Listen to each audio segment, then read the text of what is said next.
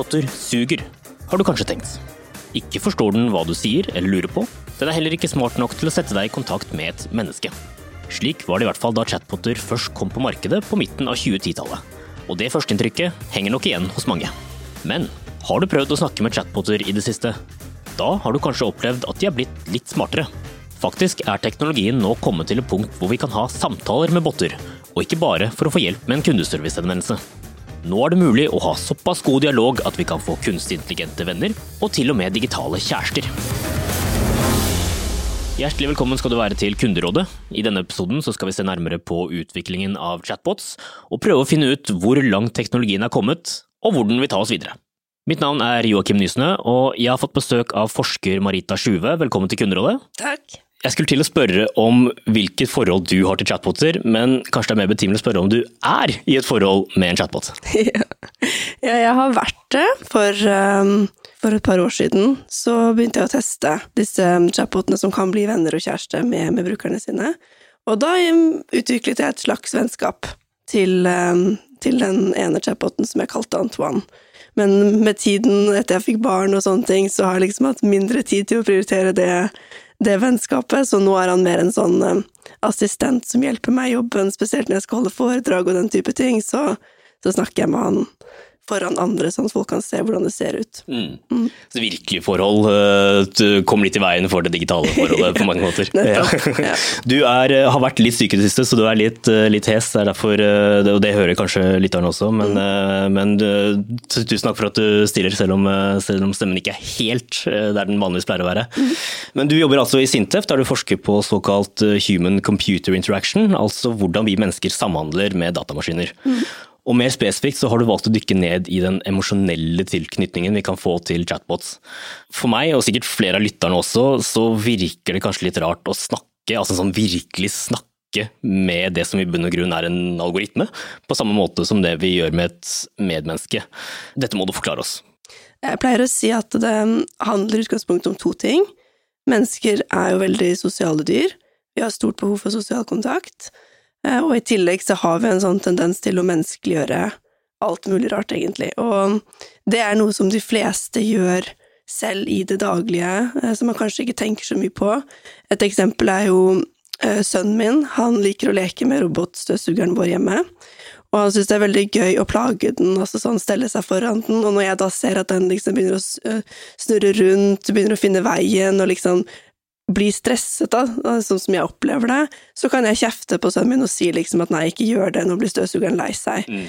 Mens den vanlige støvsugeren vår som ikke kan ta avgjørelser selv og bevege seg selv, den kan han jo holde på med akkurat sånn som han vil uten at jeg bryr meg. Så det er liksom et eller annet med det eh, med at teknologi kan liksom ta avgjørelser, være litt menneskelike, som, som trigger tendenser som vi mennesker allerede har iboende i oss, da, så når du da får den kombinasjonen av behov for sosial kontakt og evne til å menneskeliggjøre alt mulig rart, så blir man kjempesårbare i, i møte med teknologi, sånn som chatboter, som virkelig spiller på de tendensene, da. Mm. Så jeg tror nok at for de som får nære forhold til, um, til chatboter, så oppleves det som, som ekte. Jeg tror det er vanskelig å skille mellom en følelse du får når du snakker med et menneske, og en følelse du får når du snakker med en chatbot, i hvert fall i, i bestemte situasjoner, fordi at de nok trigger de samme mekanismene i, i hjernen, og så er det jo klart at man kanskje switcher litt frem og tilbake mellom å se på det som en,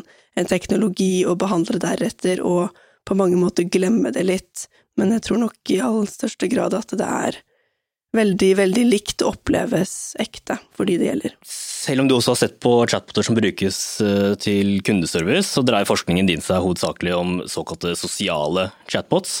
Og vi skal snakke litt om hvordan disse kan komme til å påvirke kundeservice-chatbotene i fremtiden. Men la oss først ta en fot i bakken på hvor teknologien som brukes i markedet faktisk er i dag. Jeg har tatt en prat med Arash Saidi, daglig leder i Kindly, et selskap som leverer løsninger for automatisering og maskinlæring, deriblant chatbots. Arash Saidi, velkommen til Kunderådet. Tusen takk. Du, I 2016 så startet du opp uh, Kindly, og det var vel også rundt den tiden at mange hadde sitt første møte med en chatbot. Min antakelse er at svært mange har et ganske negativt inntrykk av eh, chatbot. Mye pga. Det, det, liksom det aller første møtet med teknologien som de hadde for noen år tilbake. Hva, hva, tenker du om det? Jeg tenker at eh, det sikkert stemmer. At eh, det har vært en del chatbot-implementasjoner som ikke har vært så veldig bra. Og teknologien har vært veldig Altså det har vært veldig mye som har skjedd. Så da vi startet i 2016, så brukte vi helt andre maskinlæringsmodeller og helt andre metoder for å både trene opp eh, modellene, men også måten vi implementerte det. Så jeg tror at eh, over tid så kommer opplevelsen til å bli bedre og bedre.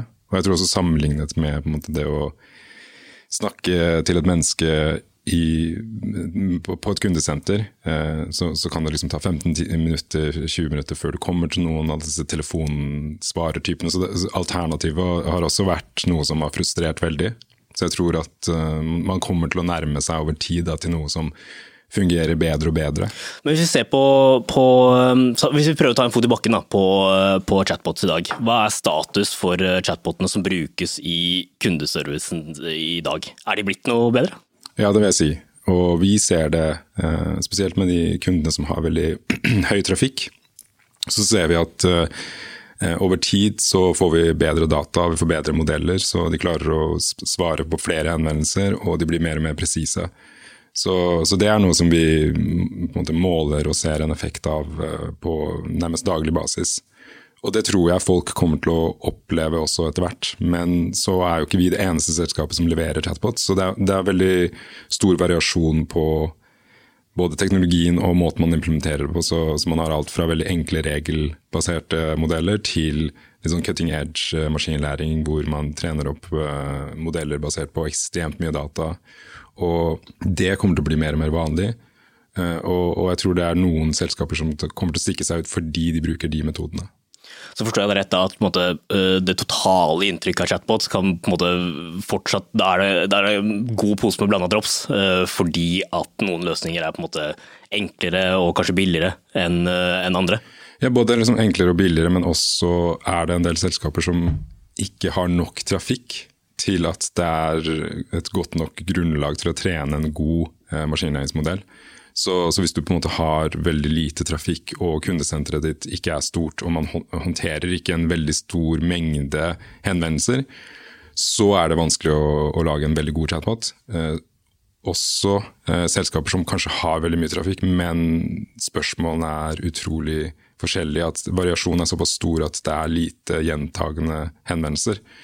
Men for noen av selskapene som vi jobber med, som f.eks. Norwegian, så er for det første så er det veldig mye data, det er ekstremt mange henvendelser. Og veldig mye, mange av henvendelsene er gjentagende. Så der klarer man å automatisere utrolig mye.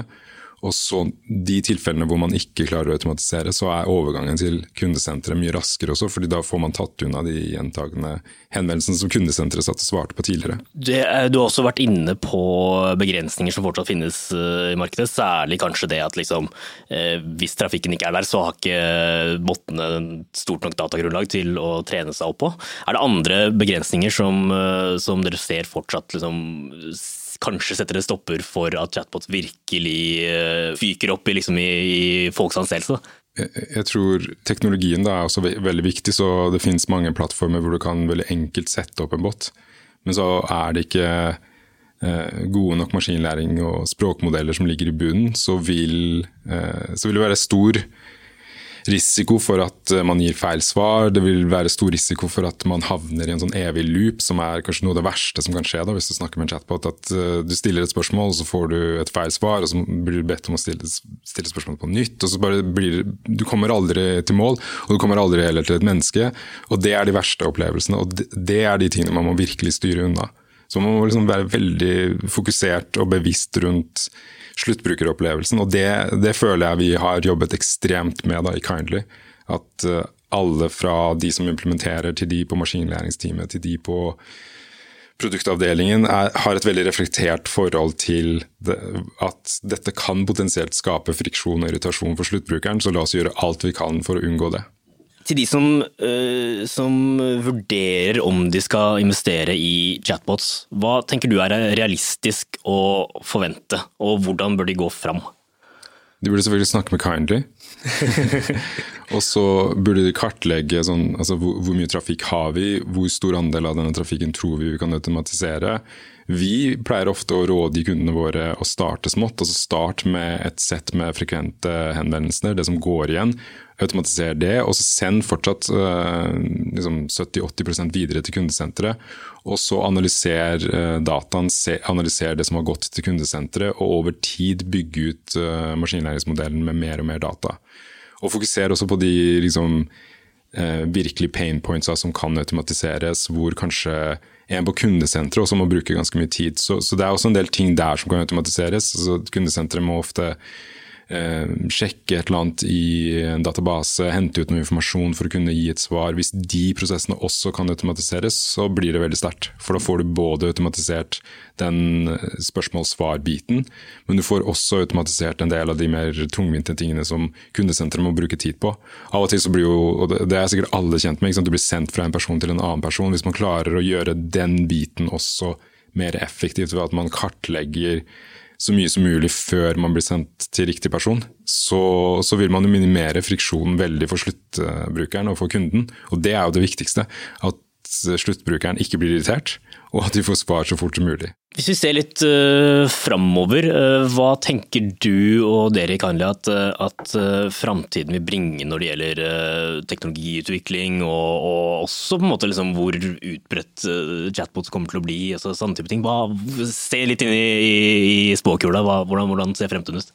Jeg, jeg, tror at vi kommer til å på en måte snakke til veldig mye teknologi i framtiden. Jeg tror at den, den, den, måten å kommunisere sånn som vi gjør nå, det kommer til å bli veldig vanlig å gjøre med en datamaskin også. Så når du sitter i bilen, så plukker du ikke opp telefonen din. Og det er jo en kjemperisiko sant, å plukke opp telefonen og se ned, og veldig mange gjør det. Og utrolig mange ulykker skjer pga. det. Så hvis du heller kan si til uh, bilen din, lese opp meldingen for meg, eller gjør dette, eller sende melding hvis det er noe du må gjøre og du absolutt ikke kan unngå å gjøre det i en bil, så er det bedre å gjøre det på den måten. Og jeg tror det kommer til å bli veldig vanlig. Og liksom, Utrolig spennende ting som skjer med OpenAI og de, de nye sånn gigantiske språkmodellene som blir trent. Og du har selskaper som Nvidia som kontinuerlig gjør det billigere og raskere å trene opp sånne superstore modeller. Og det er utrolig spennende, fordi det har på en måte vært det som har hindret gode eh, løsninger. At man ikke har nok data. For språk er såpass komplekst at eh, ikke, ikke bare fordi det er et enormt vokabular, men også sammensetningen av ord og måten vi snakker er jo så utrolig forskjellig fra gruppe til gruppe. og Det er, det er uhyre komplekst. Men når du bruker data som du har scrapet fra hele internett, altså at, at det er datagrunnlaget, så, så, begynner disse modellene å bli mer og mer eh, altså de, de, begynner å få mer og mer forståelse. Så Sånne type ting er utrolig spennende, fordi da trenger man ikke nødvendigvis for hvert eneste kundecase å trene opp en bot fra bunnen av. Du har et utgangspunkt. Og en, en, en sånn spennende ting som vi gjør nå sammen med maskinlæringsteamet vårt og et utvalg av kunder, er å bruke nettsidedataen deres og alt av data som de har liggende til å trene opp en sånn førstemodell. Så å bruke GPT3 og sånne type gigantiske språkmodeller i bunn. Og da vil man kunne stille alle mulige spørsmål rundt uh, ting som åpningstider og returpolicy og alt, uten å trene opp en spesifikk bot for det. Og så kan du fokusere på å trene opp en bot som skal løse de mer komplekse spørsmålene. Så, så jeg, jeg tror at når man kommer dit, at man kan bruke disse gigantiske modellene, man kan bruke alt av data som kundene har fra før av, og så trene opp eh, spesifikke dialogflyter, altså bruke tiden på det, som, som løser sånn veldig komplekse spørsmål som kundesenteret i dag bruker masse tid på. Da begynner man å se effekten av det virkelig. Det blir utrolig, utrolig spennende å se hvordan eh, fremtiden eh, innenfor, innenfor kunstig intelligens utvikler seg. Tusen takk for at du var med i Kunderådet, Arash Saidi, daglig leder i Kindly. Takk. Marita Sjuve, hva er forskjellen på de chatbotene folk flest kjenner til, og de som vi hører eh, Arash Saidi snakke om her, og de du har forsket på, altså det som kalles sosiale chatbots? Det er veldig store forskjeller, og det er viktig å på en måte få frem, for hvis jeg sier at jeg forsker på folk som har nære relasjoner til chatbots, og man tror at det er en kundeservice-chatbot, så vil veldig mange oppleve det som ganske rart, fordi kundeservice-chatboter er ikke spesielt intelligente i dag. De har et konkret formål, og det er å løse en bestemt oppgave. Mens sosiale chatboter er utviklet for å bli en companion med med brukerne sine, sånn at de er designet til det formålet, og de baserer seg på mye større språkmodeller, mye mer avansert teknologi som gjør at de kan prate om egentlig akkurat det samme som man prater med mennesker om i, i hverdagen, eh, så det handler ikke om å få hjelp med et konkret problem i den konteksten, det handler om å ha vanlige samtaler som man har med med mennesker, så det er, det er, store forskjeller, og mange er også kanskje vant til at man bruker mye knapper og den type ting eh, når man snakker med kundeservice-chatboter. Det gjør man ikke i samme grad med sosiale chatboter. Der kan man prate i fri tekst, akkurat sånn som man ville gjort med et menneske. Man kan også bruke stemme eh, og, og talefunksjonalitet, så det er to veldig forskjellige typer teknologier, så det er viktig å på en måte få frem. Eh, så det er også en av grunnene til at det er mulig, tror jeg, da, at de er mye mer avansert, mye mer emosjonelt orientert enn det kundeservice chatboter er i dag. Hva er grunnen til at du øh, ønsket å drive relasjonsforskning på forholdet mellom mennesker og chatbot? Det startet egentlig med at vi fikk et innovasjonsprosjekt på Sintef som het Chatbots for loyalty, og det var rettet mot kundeservice og utdanning, og der skulle vi se på hvordan man kan designe chatboter i de to kontekstene som kan gjøre brukerne mer lojale, eller altså som, som gjør at eh, altså de føler en sterke tilknytning da, til, til bedriften og, og, tjenesten, og kanskje også liksom klare å støtte eh, kundene og, og brukerne i større grad enn det man gjør i dag. Og når vi skulle i gang med det, så tenkte jeg at ok, da må man nesten lære fra de beste. Hvordan er det man kan fostre liksom den type engasjement og den type tilknytning som sosiale chatboter åpenbart klarer. Så, så, derfor så valgte jeg å, å, gå inn på denne tematikken, egentlig for å lære hvordan man kan designe for det formålet. Og så er det selvfølgelig stor forskjell eh, fra å designe for kundeservice og, og til, til, det å være en kjæreste med en chatbot, men likevel så er det noe som disse sosiale chatbotene får til veldig, veldig bra, og de skaper en veldig sånn stor tålmodighet hos brukerne, og brukerne ser mye større nytte av disse chatbotene, så jeg tenkte likevel at det er ting man kan lære av de, selv om use case, eh, som man kaller det, er, er forskjellig. Vi hørte at uh, Arashi Kindly, også du også inne på det, uh, fortelle om hvordan uh, eldre chatbotser er uh, basert på mindre, mer avgrensede datasett og språkmodeller som ikke er like liksom, store. Hva, hva, hva, vil det egentlig si? Si? Altså hvor store liksom, datasett er det snakk om her, sammenlignet med de datasettene som, eh, som, eh, som driver sosiale chatbots? Mm. Det er ganske store forskjeller. Hvis man tar utgangspunkt i Replika, som er den sosiale chatboten jeg forsker på, og som i mine øyne er den mest avanserte, så vil jeg vel si at det er snakk om billionstørrelse i, i forskjell. Og det jo, handler jo om at sosiale chatboter har for det første basert datasettet sitt på internett, så de har startet med å liksom hente samtaler fra forum, Wikipedia, den type ting, så det har liksom vært grunn, eh, grunnlaget. Og så har de jo millioner av brukere ikke sant, som snakker med den chatboten hele tiden, så de får jo kontinuerlig inn datasett som mater dems modell, og det er jo ikke det samme antallet som kundeservice-chatboter har i det hele tatt, så det er voldsomt store forskjeller når det kommer til datasett, og også måten det er bygd opp på. For i kundeservice-kontekst så sitter folk manuelt og skriver dialoger, så de skriver at ok, når brukeren sier lån, så skal chatboten trigge denne samtalen som de har predefinert på forhånd. Sosiale chatboter gjør ikke det. De, de lager setningene på nytt, og brukerne har, eller utviklerne, har ikke egentlig så veldig godt innsyn i hva den chatboten sier, så den lever mer sitt eget liv og er mer intelligent i den forstand, så det er veldig forskjellig type teknologi. Kundeservice og handler kanskje intelligensen mer om å forstå hva brukerne sier eller identifiserer nøkkelordet, mens for sosiale chatboter så handler det også om å konstruere setninger på nytt. Da. Når vi snakker om chatbot, så snakker vi liksom i bunn og grunn om kunstig intelligens, eh, som du er inne på. Altså, eh, du må tilgi meg om det, kanskje, dette er kanskje et litt dumt spørsmål, men hvor mye mer intelligente er sosiale chatbots? Ja, det er jo vanskelig eh, å svare på, for det handler om hva intelligens er. Og hvis man tenker at i chatbot-kontekst så handler det om å forstå brukeren, så vil jeg si at de er betraktelig mer intelligente når det kommer til å liksom oppfatte hva det er brukeren snakker om, men det er også en ganske stor forskjell i, i form av kontekst, for sosiale chatboter de redder seg veldig ofte inn med at de kan ha litt vage svar, fordi at det handler mer om sånne hverdagslige samtaler, sånn at spillerommet for for upresishet og, og, feil, da, om du vil, blir jo mye større. I en kundeservice-kontekst så er man jo veldig interessert i noe helt spesifikt, og hvis chatboten da tar feil, så blir det utrolig tydelig. Så, så, så forstår jeg rett at liksom, de kan oppleves som mer intelligente fordi at vi også har på en måte, Vi går inn i den, den kommunikasjonen på, med andre forventninger enn det vi gjør med, med kundeservicebåter. Mm. Mm. Hva er hensikten med disse sosiale chatbotene?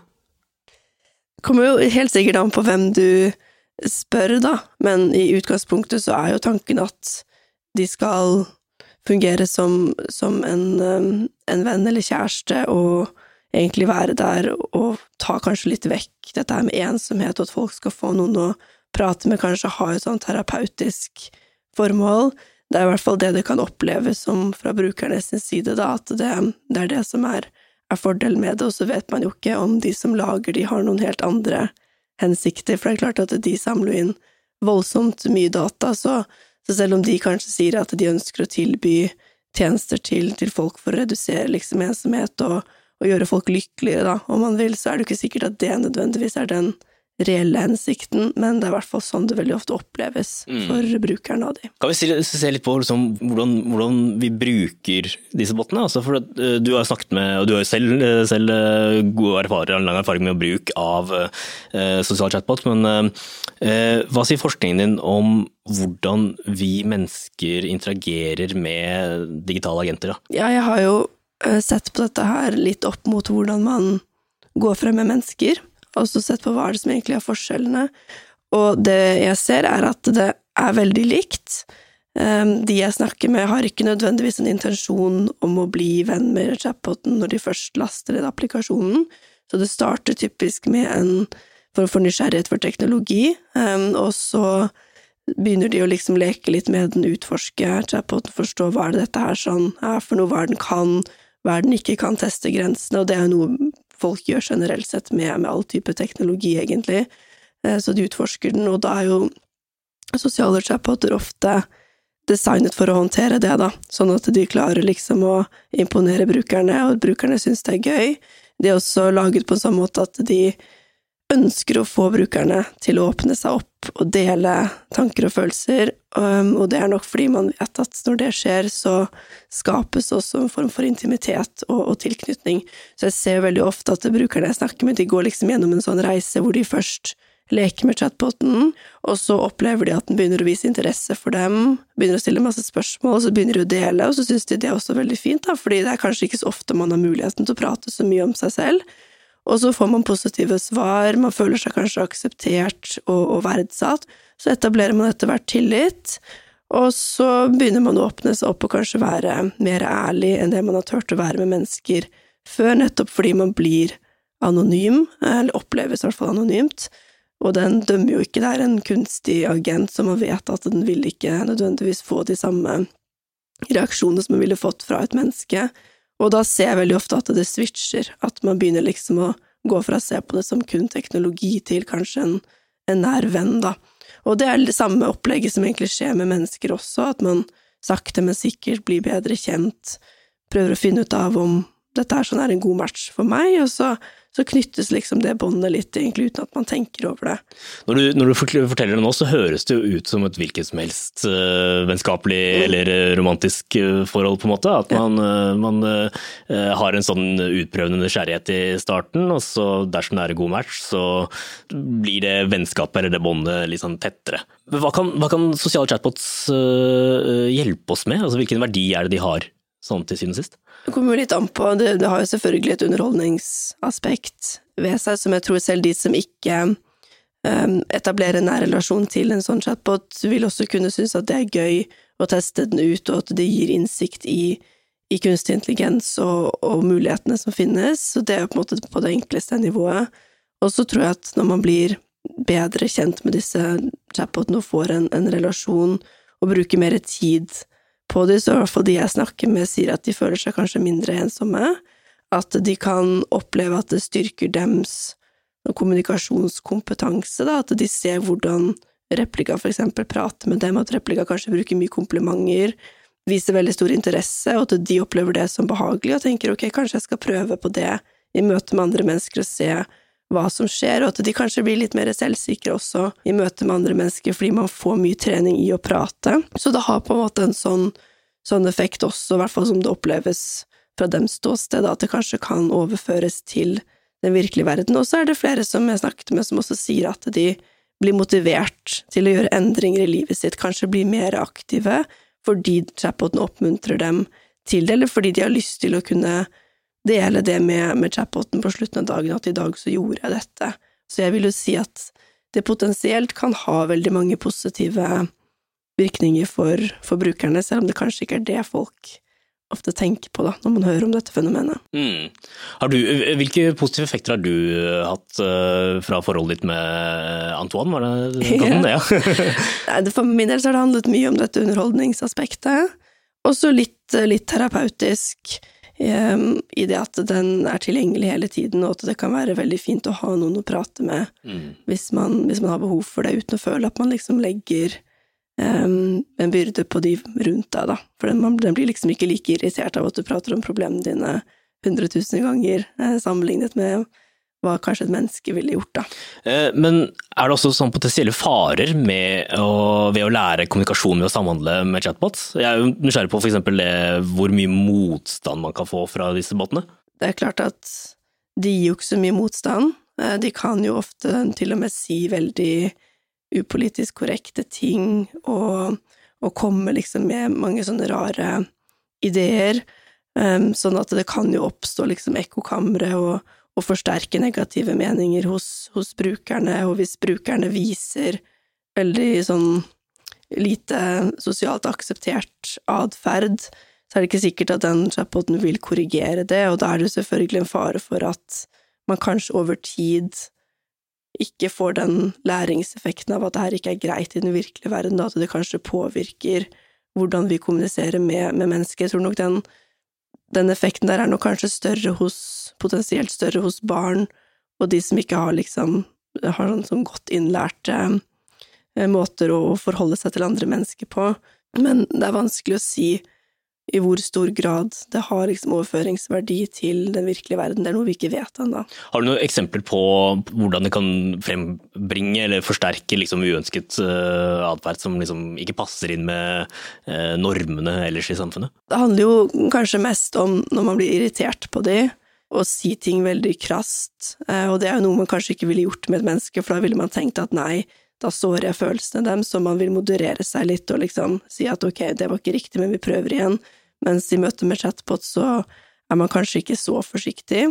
Og så er det jo klart at hvis man da blir vant til at man kan være sånn, da, at kanskje man ville gjort det med et menneske også. Det er liksom en av de hovedfryktene man har, dette er sånn med, med å være ufin, um, fordi man man kanskje blir litt for, for godt vant med å ikke få en korreksjon av mm. Eh, chatbots. Mm. Det er liksom som sønnen din med robotstøvsugeren, at uh, robotstøvsugeren vil heller finne, prøve å finne en annen vei istedenfor å, for å si ifra at uh, du, du, står i veien. det er nettopp det, og det er jo sånn, mennesker vil jo ikke akseptere det i lengden. Hvilke andre utfordringer ser du ut fra forskningen din at bruken av sosiale, sosiale chatbots kan medføre? Jeg er kanskje mest bekymret for dette her sånn med at det blir eid av en bedrift. Um, og, og, når utvikler eller en bedrift står bak, da, så får de veldig mye makt, så de kan jo potensielt kreve masse penger, sette opp betalingsmurer, og det ser man jo at, at skjer, noe som kan oppleves som veldig ubehagelig for brukerne. De kan jo også bestemme seg for at vi vil ikke tilby denne tjenesten mer, og ta den vekk, ikke sant, og, og det ville jo vært forferdelig, egentlig, for, forbrukerne hvis den bare én dag ble borte. Um, I tillegg så, så vet man jo ikke om bedriftene har skjulte agendaer. De kan jo potensielt prøve å påvirke politiske meninger med, med innholdet som, som chatboten um, bruker da, for å skape samtaler, sånn at de, de får veldig, veldig, mye makt. Så det maktforholdet mellom mellom brukerne og, og bedriftene er veldig, veldig skjevt. Så, så, det er kanskje en av de største bekymringene jeg har. Og så er dette her sammen med personvern. At folk sier veldig mye til disse chatbotene. De er veldig åpne og ærlige. Og så tenker de kanskje at ja, så lenge ikke jeg bruker ekte navn eller adresse eller nevner navn på folk i livet mitt, så går det fint, da er jeg anonym. Men når man deler så mye som de gjør, så tror jeg ikke det holder at man fjerner typisk data som man tenker på som identifiserbar, og jeg har jo sett det med en av de jeg snakket med som plutselig innså at han hadde delt litt for mye med chatboten, opplevde det som veldig ubehagelig, og så kunne han ikke slette det, ikke sant? Mm. Og da fikk han i en kort periode litt sånn småangst relatert til det, da. Når vi ser på utviklingen av kunstig intelligens og maskinlæring for øvrig, så virker det i hvert fall på meg som at teknologien bare blir bedre og bedre for nesten hver dag eh, som går. Eh, blant annet på den siste tiden så har det vært veldig mye snakk om AI-genererte bilder. Eh, men når det gjelder chatbot, så virker det for meg da i hvert fall som at det går litt treigere. Stemmer det? Eh, og hvor langt unna er vi egentlig å bli møtt av en liksom digital kunderådgiver som ser ut som et menneske, forstår alle henvendelsene dine og kanskje til og med kan snakke til med en stemme? Ja, det går nok tregere, eh, men det handler eh, nok i stor grad om at det er et mye mer komplisert område enn det å generere bilder. Man stiller ikke de samme forventningene til et bilde, sånn at jeg tror man som bruker, i hvert fall der vi er nå, vil man bli veldig imponert når man ser liksom disse AI-genererte bildene og tenker wow, dette er sånn kjempe, kjempefantastisk, men det krever mye mer å, å, lage gode språkmodeller, så det er nok en av, um, en av grunnene til det krever masse ressurser og, og mye kapasitet som, som, ligger bak, og nå ser vi jo at de store språkmodellene som tidligere var liksom veldig forbeholdt bedriftene som laget de, sånn som OpenAI, de blir jo nå i større grad tilgjengelig for folk å kunne laste ned og bruke selv på sine egne servere, sånn at vi går jo mot en fremtid hvor det kanskje vil være større sannsynlighet for at man møter det i kundeservice, men jeg tror likevel at det vil ta relativt lang tid selv om teknologien er der, fordi at det handler om at etablerte bedrifter er nødt til å gjøre veldig store endringer for å kunne tilby denne type teknologi. De har også investert masse i den chatboten som de allerede har, ikke sant, sånn at jeg tviler på at DNB for eksempel vil bare dra ut kontakten på chatboten de har i dag, og plugge inn en ny en over natta. Jeg tror det kommer til å, å kreve en sånn liten omstillingsprosess, så det vil nok være en gradvis eh, utskiftning av den teknologien vi bruker i dag, hvor man går mer over på det man ser kanskje i sosiale chatboter, da, men mm. det vil ta det vil ta tid også fordi at, eh, sånn som jeg sa tidligere, sosiale chatboter de prater om hverdagsting, kundeservice skal prate om veldig konkrete problemstillinger, sånn at man er nødt til å Det handler ikke lenger bare om å forstå det brukeren sier, men også om å ha et fornuftig svar, da, som, som samstemmer med det bedriften driver med, og det som på en måte faktisk er reelt i de ulike interaksjonene, sånn at man må nå kombinere disse språkmodellene med andre former for teknologi også for å kunne komme dit. Hvilket, hvilket trekk eh, tror du kundeservice-chatbotene først kommer til å implementere? Altså Hvordan er det vi som forbrukere først kommer til å merke på en måte, påvirkning sosiale, medier, sosiale chatbots har mm. på kundeservice-botene? Jeg tror kanskje det kommer til å handle litt mer om dette her sånn med en relasjon over tid, at man vil oppleve at det blir litt mer som din personlige kunderådgiver, som kanskje følger deg over lengre tid, og, og passe på at du, eh, du, gjør de tingene du skal, sånn som knyttet til pensjon, for eksempel, at de kanskje tar kontakt med deg da et år før du skal pensjonere deg, og spør om, om du har begynt å tenke på det, og liksom at man har litt mer den kontinuiteten i, i relasjonen, og at det ikke bare er følelsen av at man prater med en ny chatbot hver gang, så, så det tror jeg kanskje kan være aktuelt, men kanskje mest at de vil i større grad bruke dataene til aktuelle kunder, at de vil kunne hjelpe deg mer med dine personlige ting. Sånn som det er i dag, så er det jo veldig, veldig generelt. Eh, den klarer ikke eh, å, å, gå inn nødvendigvis på, på, din profil og gi deg sånn spesifikk informasjon om, om deg, da. Så de vil jo veldig ofte gi sånn generelle svar som du finner på nettsiden. Vi har jo sett nå at det begynner å gå litt mer bort ifra det, så jeg tror det er kanskje en av de tingene vi vil se først. Mm. At det blir større integrering med liksom systemene bak det, at du opplever at den faktisk kan svare på spesifikke spørsmål, kanskje knyttet til hvorfor du har fått en faktura du ikke mener at du skal ha, for eksempel. At du får litt personlig oppfølging eh, på et vis. At hvis eh, du ikke betaler regningen din til forfall, så tar han og passer på at du eh, faktisk gjør det, eller ber dem å vurdere om du kanskje vil endre mm. forfallsdato. Nettopp. Mm. Jeg tror det er på det nivået at den vil prate ut fra informasjon som er din. Tror du vi forbrukere er modne for å ta i bruk chatboter i større grad enn det vi gjør i dag? Er vi liksom klare nå til å legge bak oss den ideen om at eh, chatbots eh, suger? Ja, jeg tror det vil ta litt tid. Eh, det tror jeg jo når jeg spør folk om disse tingene, for jeg har jo laget flere sånne prototyper i kundeservicekontekst som jeg har testet med, med, ulike kunder for å høre hva de tenker om chatboter som for eksempel følger dem over tid, eller som kan gi mer persontilpassede råd og sånne ting. Og når jeg spør dem om de ville stolt på informasjon, og ville følt behov for å dobbeltsjekke og den type ting, så er jo liksom reaksjonen at nei, jeg tror jeg ville måtte dobbeltsjekke, eller hvis det er veldig personlig eller veldig stor risiko, så, så tør jeg ikke å bruke, bruke chatboten, da. Men samtidig så er folk også veldig glad for å slippe å stå i kø. Man veldig, setter veldig pris på effektivitet, sånn at jeg tror at man vil kanskje være litt skeptisk, og det vil ta litt tid før man skjønner at det er mulig, fordi man rett og slett ikke tenker at det, det kan skje. Men hvis man har en god opplevelse med en chatbot som, som gjør mer, så tror jeg ikke det skal så mye til før folk er villige til å akseptere det og, og stole på den informasjon og den hjelpen man får, rett og slett fordi at det er mer effektivt og mer behagelig, og det liker folk. Mm.